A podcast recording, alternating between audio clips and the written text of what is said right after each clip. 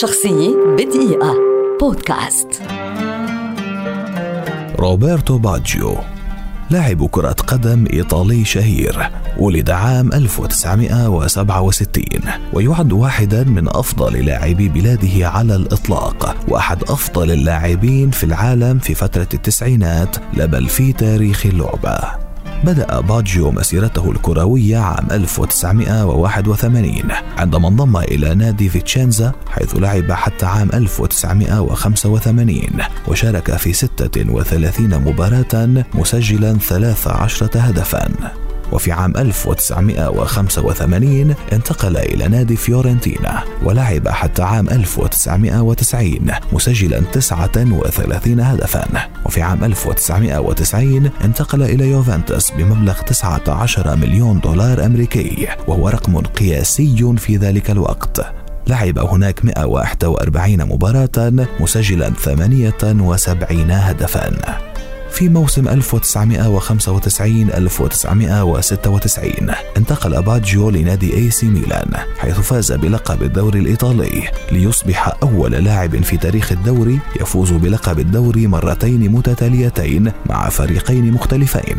وفي عام 1997 انتقل باجيو إلى نادي بولونيا.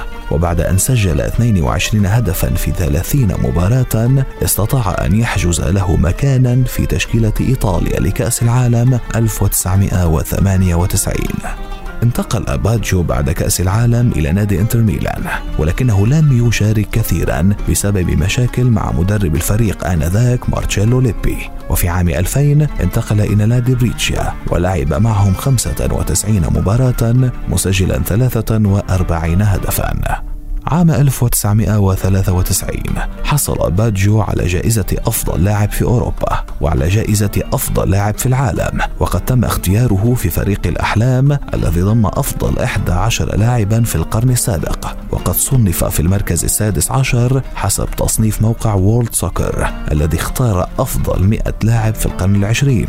ويعد أول إيطالي في هذا التصنيف. وبعد اعتزاله كرة القدم عام 2004 أصبح باجيو خامس أفضل هداف في تاريخ الدوري الإيطالي. لعب باجيو مع منتخب إيطاليا 56 مباراة دولية. سجل خلالها 27 هدفا ليكون رابع أفضل هداف في تاريخ المنتخب. شارك مع الأتزوري في ثلاث كؤوس عالم مسجلا تسعة أهداف ليكون اللاعب الإيطالي الأكثر تسجيلا في كأس العالم. وكانت مشاركته في مونديال 1994 الأروع والأكثر حزنا في الوقت نفسه. إذ قدم روبرتو مستويات خرافية قاد من خلالها إيطاليا إلى الوصول للمباراة النهائية أمام البرازيل. ولكن إيطاليا خسرت النهائي بعد أن أضاع باجيو بنفسه ركلة الترجيح الأخيرة الحاسمة. شخصية بدقيقة. بودكاست.